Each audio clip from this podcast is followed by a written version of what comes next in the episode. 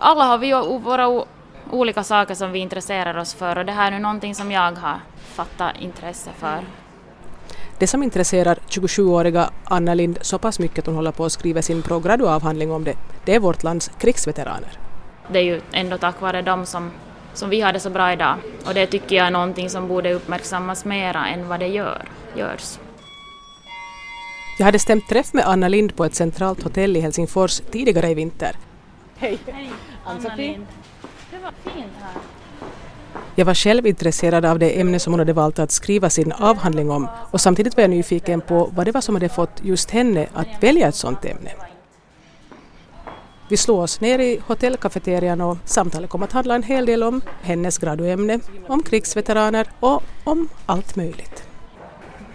Jag är Anna Lind och nu för tillfället så är jag i Helsingfors och gör min arbetspraktik och jag ska bli psykolog vilket jag menar att jag ska nu bli till våren utexaminerad förhoppningsvis. Och före det har jag studerat i Åbo så har jag studerat i Vasa och jag är hemma från Vasa. Men när du var liten flicka, då, vad gick du och tänkte att du skulle bli när du blev stor? Jag, var, jag skulle bli veterinär, skulle jag bli. Men sen är jag allergisk så i något skede så, så kom jag fram till att det går inte. Och någon skulle jag bli detektiv, skulle jag bli i något skede. Men att, att psykolog blev det nog på senare år.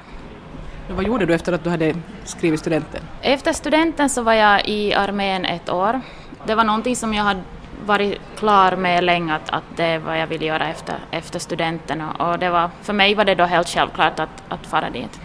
Var det, var det någon som tyckte det var konstigt eller var det, fick du höra några sådana märkliga kommentarer av någon? Egentligen min bekantskapskrets, så de, de var helt på det klara med att jag skulle dit. Att, att mina kompisar, så, för dem var det helt självklart och sen mamma, tyck, mamma hade nu förstått det länge innan jag ens sa själv att, att, att jag tänkte att jag skulle fara dit. Och det var väl min, min mormor och min bror som var mest så att men ska du nu faktiskt fara dit? Att sen pappa och muffa tyckte att det var döbra att, att fara dit och mamma var helt så här neutral. Hur kom du in på det med psykologi då sen? No, just det att i gymnasiet visste jag att jag skulle till armén. Men egentligen visste jag inte att vad jag skulle sen efter det. Men jag sökte in till... I ett skede tänkte jag att jag, jag ville bli journalist så jag sökte in till Sossokom och till Arkada. Men jag kom inte in. Men sen eh, så kunde man i Vasa, om man läste statskunskap, kunde man läsa media som biämne. Och sen kom jag in dit så att, att där började jag då 2001. Men att jag kom nu ändå fram till att statskunskap var inte, var inte min grej, men jag läste det ändå i två år nu. Och sen tänkte jag att jag vill prova på utvecklingspsykologi eftersom det också hör till Åbo Akademi där i Vasa. Och då kände jag genast att det här var liksom, det här var någonting som intresserade mig. Men då ville jag gärna bli psykolog, vilket man inte blir i Vasa. Och jag sökte in till Åbo då och sen på andra gången jag sökte in dit så, så kom jag in. Trivdes du med den utbildningen? Jo, jag kände nog att, att det, här, det här är min grej. Att, och nu känner jag också under, under arbetspraktiken att, att det är nog det här. Så vad, det, vad gör du i arbetspraktiken? Nu är jag på, som skolpsykologpraktikant. Att vi har fem månaders obligatorisk arbetspraktik. Så att den, den tar slut nu i, i början av februari och då, då ska jag göra min gradu färdig och sen tänker jag att, att i vår så är jag klar psykolog. Jag ber Anna Lind kort berätta om sitt graduämne. Ja, alltså jag skriver om posttraumatisk stress bland Finlands krigsveteraner. Och för den som inte är i branschen så kan jag nämna att posttraumatiskt stresssyndrom, eller PTSD som det ofta kallas från engelska, Post Traumatic Stress Disorder, så det är sånt som kan drabba folk som har varit med om chockartade händelser, till exempel krig. Symptomen kan komma länge efter att man har varit med om en sak. Man kan få mardrömmar eller flashbacks eller andra symptom månader eller fast decennier efter själva händelsen.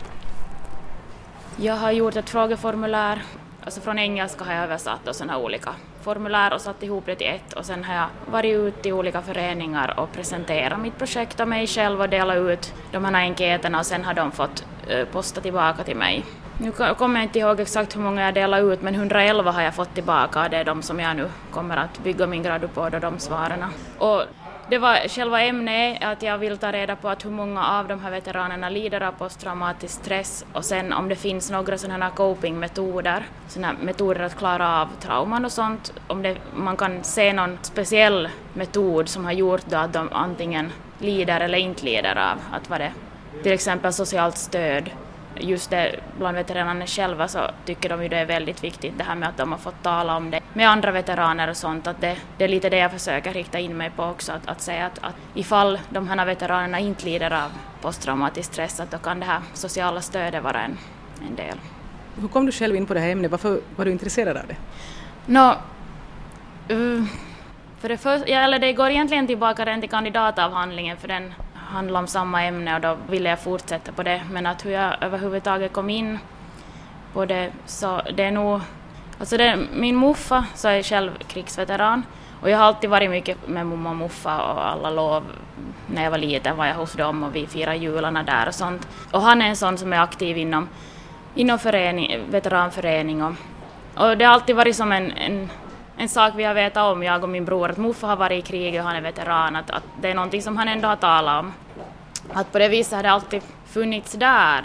Sen har jag varit intresserad just av försvars, försvarsmakten i sig, att i, i gymnasiet så ordnades det en sån här försvarskurs som jag var på, sen har jag själv varit i, i armén också, så att just det här intresset för försvarsmakten som antagligen har kommit från att jag har en äldre bror, men också just från Muffa, att att allt det här på något vis har knutits ihop då till, till det att sen när jag skulle skriva om någonting i kandidaten och gradun så ville jag skriva om någonting som jag faktiskt var intresserad av och, och som jag tyckte var viktigt och då, då slog det mig att just veteranerna har gjort, har gjort så mycket för, för vårt land och de håller på ändå att dö ut, det är ju fakta. Att, att jag tänkte att de vill jag skriva om och just det här posttraumatisk stress. Så det har att göra med din bror, är han också inom det militära eller någonting? Nej men just att en stora bror så, ja nu alltid sett upp till honom så det är väl därifrån också det kommer. Han är åtta år äldre. Så. Men just det här det har jag tänkt på att, att varför jag valde att gå i armén också. Att, att, varför gjorde du det? Ja men det är just det, det att, att det där intresset för försvaret och, men på något vis eftersom jag nu studerar psykologi så antar jag att, att, att på något vis har det kommit ändå från det att jag har en äldre bror och därifrån. Hur var det att vara i armén då? Jo, det var intressant. Det var... Ja, det är så länge sedan nu redan men att, att det där... Mm, hur länge var du? Ett år var jag så jag blev undersergeant. Och, och det var nog lärorikt och givande, det var det verkligen. Kunde du någon gång tänka dig en sån där militär bana, att du skulle jobba med det? Nej, inte det. Du sa att din morfar var en sån som pratade om det, liksom, så satt han och berättade historier från kriget då när ni var små eller var det... Nej, det var No, dels det att, att han ju ofta var på några sådana veteranträffar och sånt, att man bara visste att nu skulle muffa på det. På det. Men också det att, att ofta har ju, ja, när jag var i kriget kommer det fram på samma sätt som när karlar talar om armén brukar det alltid komma fram när de diskuterar någonting. Men, men just att när jag var i kriget så är det nu också att han, han det kommer sådana här berättelser eller, eller minnen därifrån som han kommer på så berättar han. Och det är just det också som jag, jag poängterar i min gradu, att det är ju de som talar om det som jag har nu kommit åt alltså. Och de som möjligtvis då är de som mår bäst. För att och, de, som och som lever fortfarande. Ja. Det är också en, en, en poäng att, att just där på 60-talet så var det många som, som söp ihjäl sig helt enkelt. Eller, men att just att, att, att det finns säkert många veteraner också som, som mår dåligt men som inte talar om det, som inte är aktiva i före, eller inom veteranföreningen och sånt och de har jag ju inte kommit åt.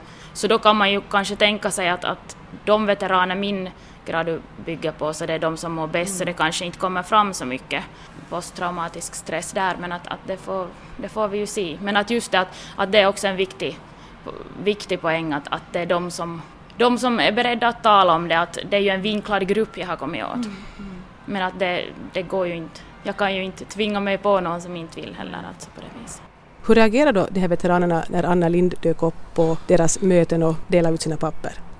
De var väldigt positiva. Att det, det är den delen av min, hela, min gradu, hela mitt graduprojekt som jag tycker allra bäst om. Just att, att komma ut till dem och, och, och, jag var ju alltid som, jag stack ju ut i mängden när jag var på deras, det var ofta lun, sån här månadsluncher jag deltog i. Och just det att hur väl jag blev emottagen och de var faktiskt glada över att någon ung någon ung har själv, alltså självmant är intresserad av dem och, och skriver liksom om dem. när, när jag stod där framför dem och, och berättade om mig själv och mitt projekt så det var nog flera gånger som många hade tårarna i ögonen där bara för att de var så glada över att någon, någon jo, var intresserad. Att det var... För länge var det ingen som var. Nej. Och det, det är någonting som jag tror att för dem är en, en, en sån här sak som sitter kvar, att, att det var länge som många inte uppmärksammade någonting och de, de fick inte tala om det och, och det var, kunde vara någonting dåligt till och med att ha varit med. Och just eh, genast de kom från kriget också så var det ju mycket så att då skulle landet byggas upp och då var det mycket inriktat på det att, att praktiska arbete och inte, inte direkt det vad de hade varit med om. Och man hade ju väl inte ännu då heller kommit på det här att det skulle ha varit bra att, med krisgrupper och sånt när folk Nej. kom ur kriget. Men det var inte ett koncept som fanns då ännu? Nej, utom det var efter Vietnamkriget som det, det blev just med sån här posttraumatisk stress och sådana. Mm. Men att det, det också tar jag upp i min grad, för det har jag läst också, att, att just för många kan det vara att i och med pensionering eller någon sån här större livshändelse att då kan det komma antingen tillbaka eller dyka upp först då. De har inte haft tid liksom att känna efter Nej. någonting, de har gett på för fullt och men det tror jag också att just de här som är i, med i föreningarna, så de har varit kanske hela tiden och bearbetat lite hela tiden, att de, de har ändå talat om det vart efter, att det har inte på det viset blivit undanskuffat och sen komma tillbaka. Men det, det, det, är också mycket som jag, eller som jag på något vis har mycket funderat på är att, att min generation är ju nu den sista som kommer att ha personliga band till, till veteranerna i och med mor och farföräldrar. Och sen mina barn kommer inte att, kommer inte att uppleva det något mer. Och, och redan i min generation så, nu är det många av mina bekanta som inte, inte egentligen har någon relation till, till liksom kriget på det viset och som inte har mor eller farföräldrar. Som, att, att det var jag rädd för, som jag tror att veteranerna också är rädda för, att liksom det kommer att dö ut det här att man vet att det har inte alltid varit så här bra ändå som det är nu och att redan nu liksom generationen efter mig eller så på det viset så så de kanske inte överhuvudtaget vet att, va, att Finland har varit i krig på det viset. Får den här, en sån här personlig känsla ändå som man får när man har haft, har haft någon äldre som har berättat. Mm. Jag berättade för honom att trots att jag hade en far som var i kriget så blev det aldrig av att jag talade med honom om det medan han levde. Att jag kommer ju aldrig få veta nu vad han egentligen upplevde där. Många sådana historier om vad som faktiskt har hänt, så det går ju förlorade. De tar dem med sig i graven. Ja. Och det här är ju någonting ändå som har påverkat, alltså det var att de har varit med i kriget, och, för de var ju unga när de var där. Herregud, det, var riktigt, det var, ja, de var ju tonåringar. Ja, att det har ju följt med dem och påverkat dem hela livet. Och, och, och nu tror jag att, att många som ännu är, är med idag på det viset, aktiva och fungerar, så att eh, jag tror att de vill väldigt gärna att, att unga ska få veta att, att så har det varit och, och hur det har varit, att det har inte alltid varit just Alltså det var jag då delade ut, det här var ett följebrev. Så det var liksom, det här var nu då mitt formulär. Att först var det bakgrund. Men här då så kommer ett formulär som är Eh, hur utsatt man har varit i kriget, liksom hur mycket man så här rent konkret har vet du, skjutit någon eller, eller varit omringad av fienden och sånt.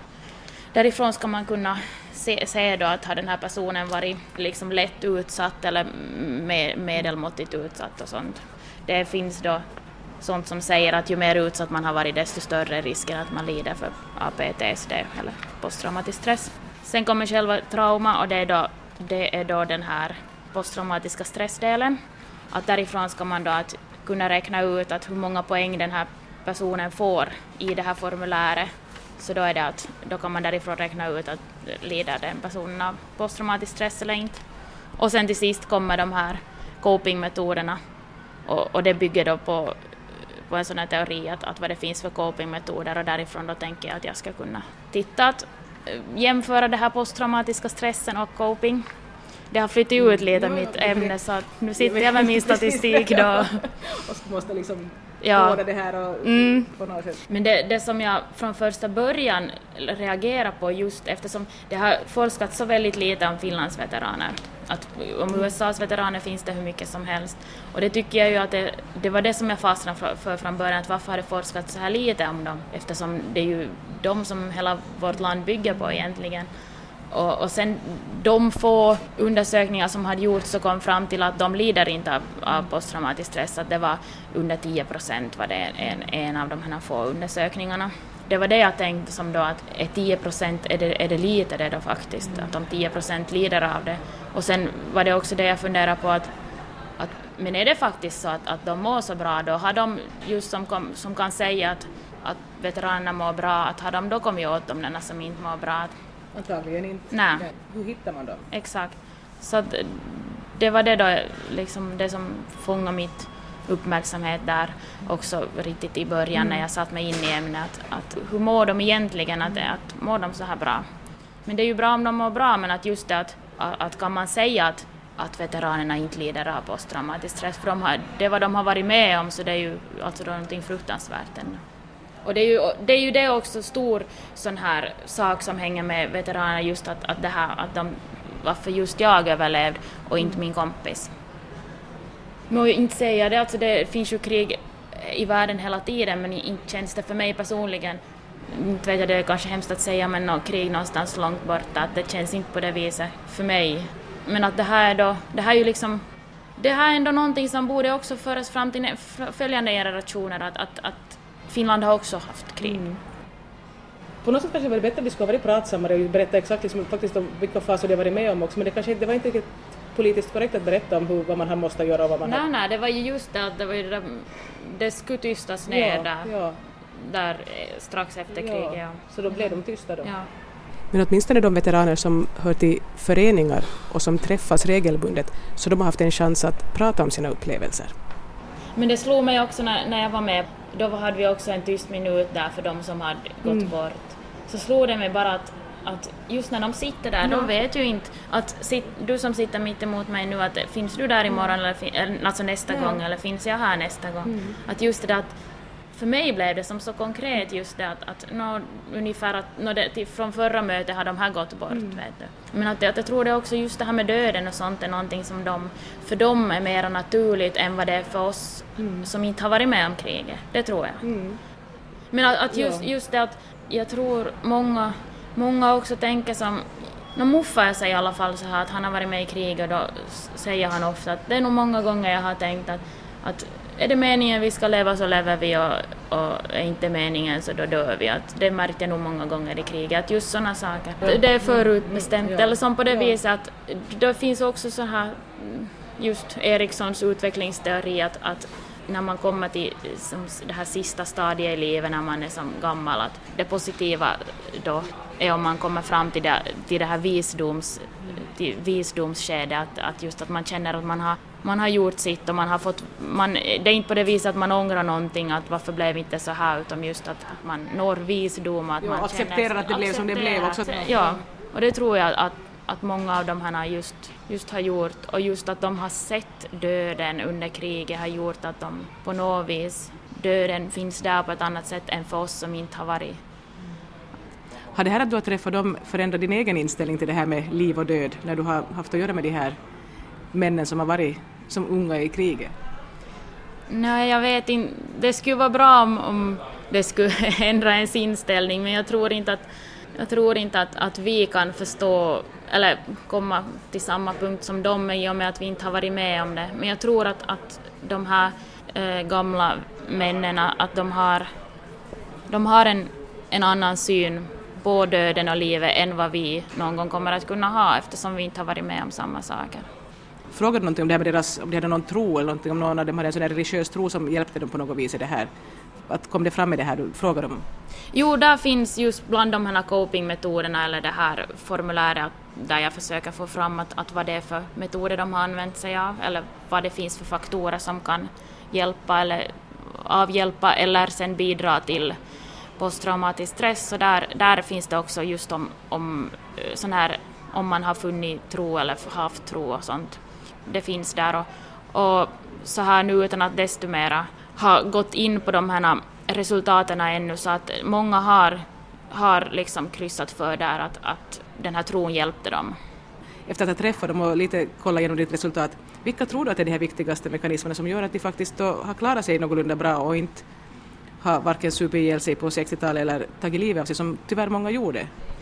Jag tror ju att, att det att de har varit med i föreningar eller på annat sätt kommit i kontakt med andra veteraner och fått prata och vilja prata om det de har varit med om. Det, det tror jag ju att har hjälpt dem. Det är ju min personliga, min personliga åsikt att, att det har hjälpt mycket att få prata om det och just åt an, eller tillsammans med andra fundera över de här sakerna. Och på det viset tror jag att man bearbetar det som har hänt. Förutom det sociala stödet och en eventuell tro, vilka andra faktorer kan ha gjort att krigsveteranerna klarar sig någorlunda bra när de väl kom hem från kriget? För många hjälpte det ju att, att efter kriget just, eftersom landet skulle byggas upp, så för många hjälpte det att det konkret fanns saker att sysselsätta sig med och fysiskt sysselsätta sig med, att landet skulle byggas upp, att det hjälpte. En sak som gjorde tillvaron svårare för veteranerna var att det genast efter kriget i vissa kretsar inte alls ansågs bra att ha varit i kriget. Just det att det då, när de kom till, eller just då på den tiden, så det, det värdesattes inte vad de gjorde. Och det är ingenting, jag, inte på något vis så är det ju så att de vill nu bli ärade till skyarna, att oj, oj, oj, ni har gjort det bra, men den, jag tror att den där värdesättningen, det är det som, som skulle vara viktigt och, det, och att, att vi värdesätter vad de har gjort och det tror jag också att, att har börjat komma mer och mer nu på senare år, men det är ju som sagt synd att det kommer så, så sent. Att så många aldrig hann uppleva det? Exakt. Deras reaktioner på ditt intresse är ju ett ganska tydligt tecken på det. ja, liksom... det har varit roligt för mig och det tror jag har varit roligt för dem just våra möten eller när jag har varit med på deras sammankomster att där har jag verkligen märkt hur glada de har varit över att en ung person är intresserad av. De var så unga när de, eller när de blev indragna i kriget och där var de sedan flera år och dit for egentligen deras ungdom. Ja. ja. Om man tänker just ungdomen idag ändå som har många år på sig att vara ungdom och, och det, man kan egentligen göra precis vad man vill av den ungdomen men de hade inte den möjligheten och, och jag vet inte och sen hur mycket det påverkade att, att förlora sin ungdom egentligen. För sen när de kom tillbaka som sagt så var det ju att arbeta. Mm. Det var att lägga fart på det och gifta sig och skaffa ett hus och allt möjligt som man nu skulle göra. Ja, exakt de hade inga val, de hamnade liksom att göra det som måste göras. Mm. Ja, och det är ju kanske nutidens problem då istället att det finns för många möjligheter och, det, och då blir man förvirrad av det istället. Mm. Att vad ska jag välja och vad borde jag välja och väljer jag rätt och vad, vad mm. väljer jag sen och kan jag byta? Sånt. Ännu på tal om unga människor. Jag frågar Anna Lind om hennes jämnåriga alls blir intresserade av det här som hon håller på med. Om de alls tycker att de här veteranerna och vad de gjorde var viktigt. Um, inte kanske direkt att klart folk tycker det är viktigt men inte någonting som de ändå kanske själv tar till sig på det viset. Att, att nog de som jag har haft min gradugrupp och så här som som också har skrivit gradun om helt andra saker men att, att de också i och med just att de har följt med min, min graduprocess hittills och sånt att, att de kanske känner mera också för det här men att, att kanske ändå inte jag skulle inte säga att det kanske är så vanligt i alla fall att, att man går omkring och funderar på sådana saker. Jag, jag vet inte, det var nu bara min egen tanke. Det är uppenbart att Anna Lind har ett annat intresse och ett vidare perspektiv på det här med vårt lands krig och på våra veteraner än vad de flesta andra i hennes generation. Ja, i och med att jag ändå... Eller ja, kanske en, en mina flickkompisar kanske jo. Det kommer ju helt naturligt i och med att jag har varit i armén. Men att alla har vi ju våra olika saker som vi intresserar oss för och det här är nu någonting som jag har fattat intresse för. Vi pratar vidare om det här med hur man väljer sina graduämnen och jag berättar att jag också i det skedet när jag trodde att jag skulle skriva en gradu hade valt att skriva om flickor som valde mot könsrollerna när de valde yrkesbana. Så på sätt och vis skulle Anna Linda kunna passa in i min gradu. Och orsaken till att jag var intresserad av det ämnet var förstås att jag själv aldrig riktigt tyckte att jag passade in i det typiska könsrollsmönstret. När du var då i den åldern att du skulle välja, var det liksom att man försökte styra in folk från gymnasiet eller från högstadiet enligt kön när de skulle välja sina yrkesinriktningar? Kände du av någonting sånt att man blev lite sorterad enligt, enligt kön? Oj, det var så länge sedan. jag tänkte just säga att det kanske är fel sammanhang att säga att det var så länge sedan jag var i, i gymnasiet. Eller högstadiet, då måste man, man kunde ju också då ha valt yrkesskola om man skulle vilja inte vilja till gymnasiet. Ja, vet du. Inte tycker jag kanske, vad jag nu kommer ihåg så här i efterhand, att inte tycker jag att det kanske var nu så styrande. Det tycker jag inte, men Ja du, det var en svår fråga. Men i praktiken tycks det fortsättningsvis vara så, åtminstone när det gäller på yrkesskolnivå, att folk sorterar sig nog frivilligt ändå enligt kön ganska långt. Jo, det gör de. Det stämmer säkert, ja. Att det tycks vara lite mer uppluckrat på det här högskolenivå, där det, är mera, där det är inte så himla tydliga mans och kvinnolinjer längre. Nej, men till exempel psykologi är ju ofta väldigt kvinnodominerat också. Men att, att jag tror att, jag tror att man in, jag tror nog att man söker sig till det man kanske är intresserad av och sen beror det ju på det att om man kommer in eller inte. Jag hoppas det är så i alla fall. Jag vet inte riktigt, det är inte någonting Mm, egentligen. nej, nej. För jag har ändå alltid ganska kört på det vad jag nu vad jag vill och där är jag väldigt målmedveten alltid. På gott och ont just att det är vad jag vill så det, det gör jag, då gör jag det nästan tills, ja, tills, tills det antingen går det eller inte går men att ja. No, det var ju just sådana de, var, de här flickorna jag, jag intervjuade för min gradu. De var liksom exceptionellt målmedvetna, de visste liksom vad de ville och de, så det kanske om man är jättebestämd så då spelar det ingen roll, då gör man det man vill. Men alla är ju inte det när de är unga. Och det jag trodde jag höll på att komma fram till i min gradu när jag ännu trodde jag skulle skriva den var att, det nog, att de flesta hade liksom behövt lite extra stöd från någon annan för att våga välja sådär mot strömmen när de var just så unga som man är när man väljer efter högstadiet. Men Ja. så långt kom jag aldrig att jag skulle skriva ut det. Men det här var ett sidospår. Tillbaka till Anna Lind och hennes undersökning om våra krigsveteraner. Vad är det viktigaste som det har gett dig i det här projektet? Du har, alltså, vad har det gett dig personligen förutom att det snart ger dig en gradu? Alltså det, det som jag själv känner mest för och kommer mest ihåg är just det här mötet med själva de här veteranerna. Att det har gett mig mycket just att se hur glada de har varit över att någon är intresserad, särskilt någon som är ung, som de kanske inte hade förväntat sig att, att skulle vara intresserad. Att det har gett mig väldigt mycket och det är just den delen av graden jag tycker bäst om också, det här att, att faktiskt ha varit personligen i kontakt med de här veteranerna och, och, och träffat dem och, eller märkt hur de har tyckt om det, att någon intresserar sig och försöker, jag försöker på det viset göra min lilla del och, och försöker på något vis få fram om deras välmående i gengäld. Så det får känna att någon i alla fall försöker förstå vad de har varit med om på det sättet. Exakt, eller förstå kan, kommer vi ju aldrig att kunna göra. försöka. Ja, man kan försöka, men just att verkligen intressera sig och, och ha uppmärksamma vad de har gjort. Och att det är ju ändå tack vare dem som, som vi har det så bra idag. Och det tycker jag är någonting som borde uppmärksammas mera än vad det gör, görs. Jag träffade Anna Lind när hon var i Helsingfors och gjorde sin arbetspraktik och snart är hon klar med sina studier. Så jag frågade henne om hon redan vet var hon har tänkt slå sig ner efter det.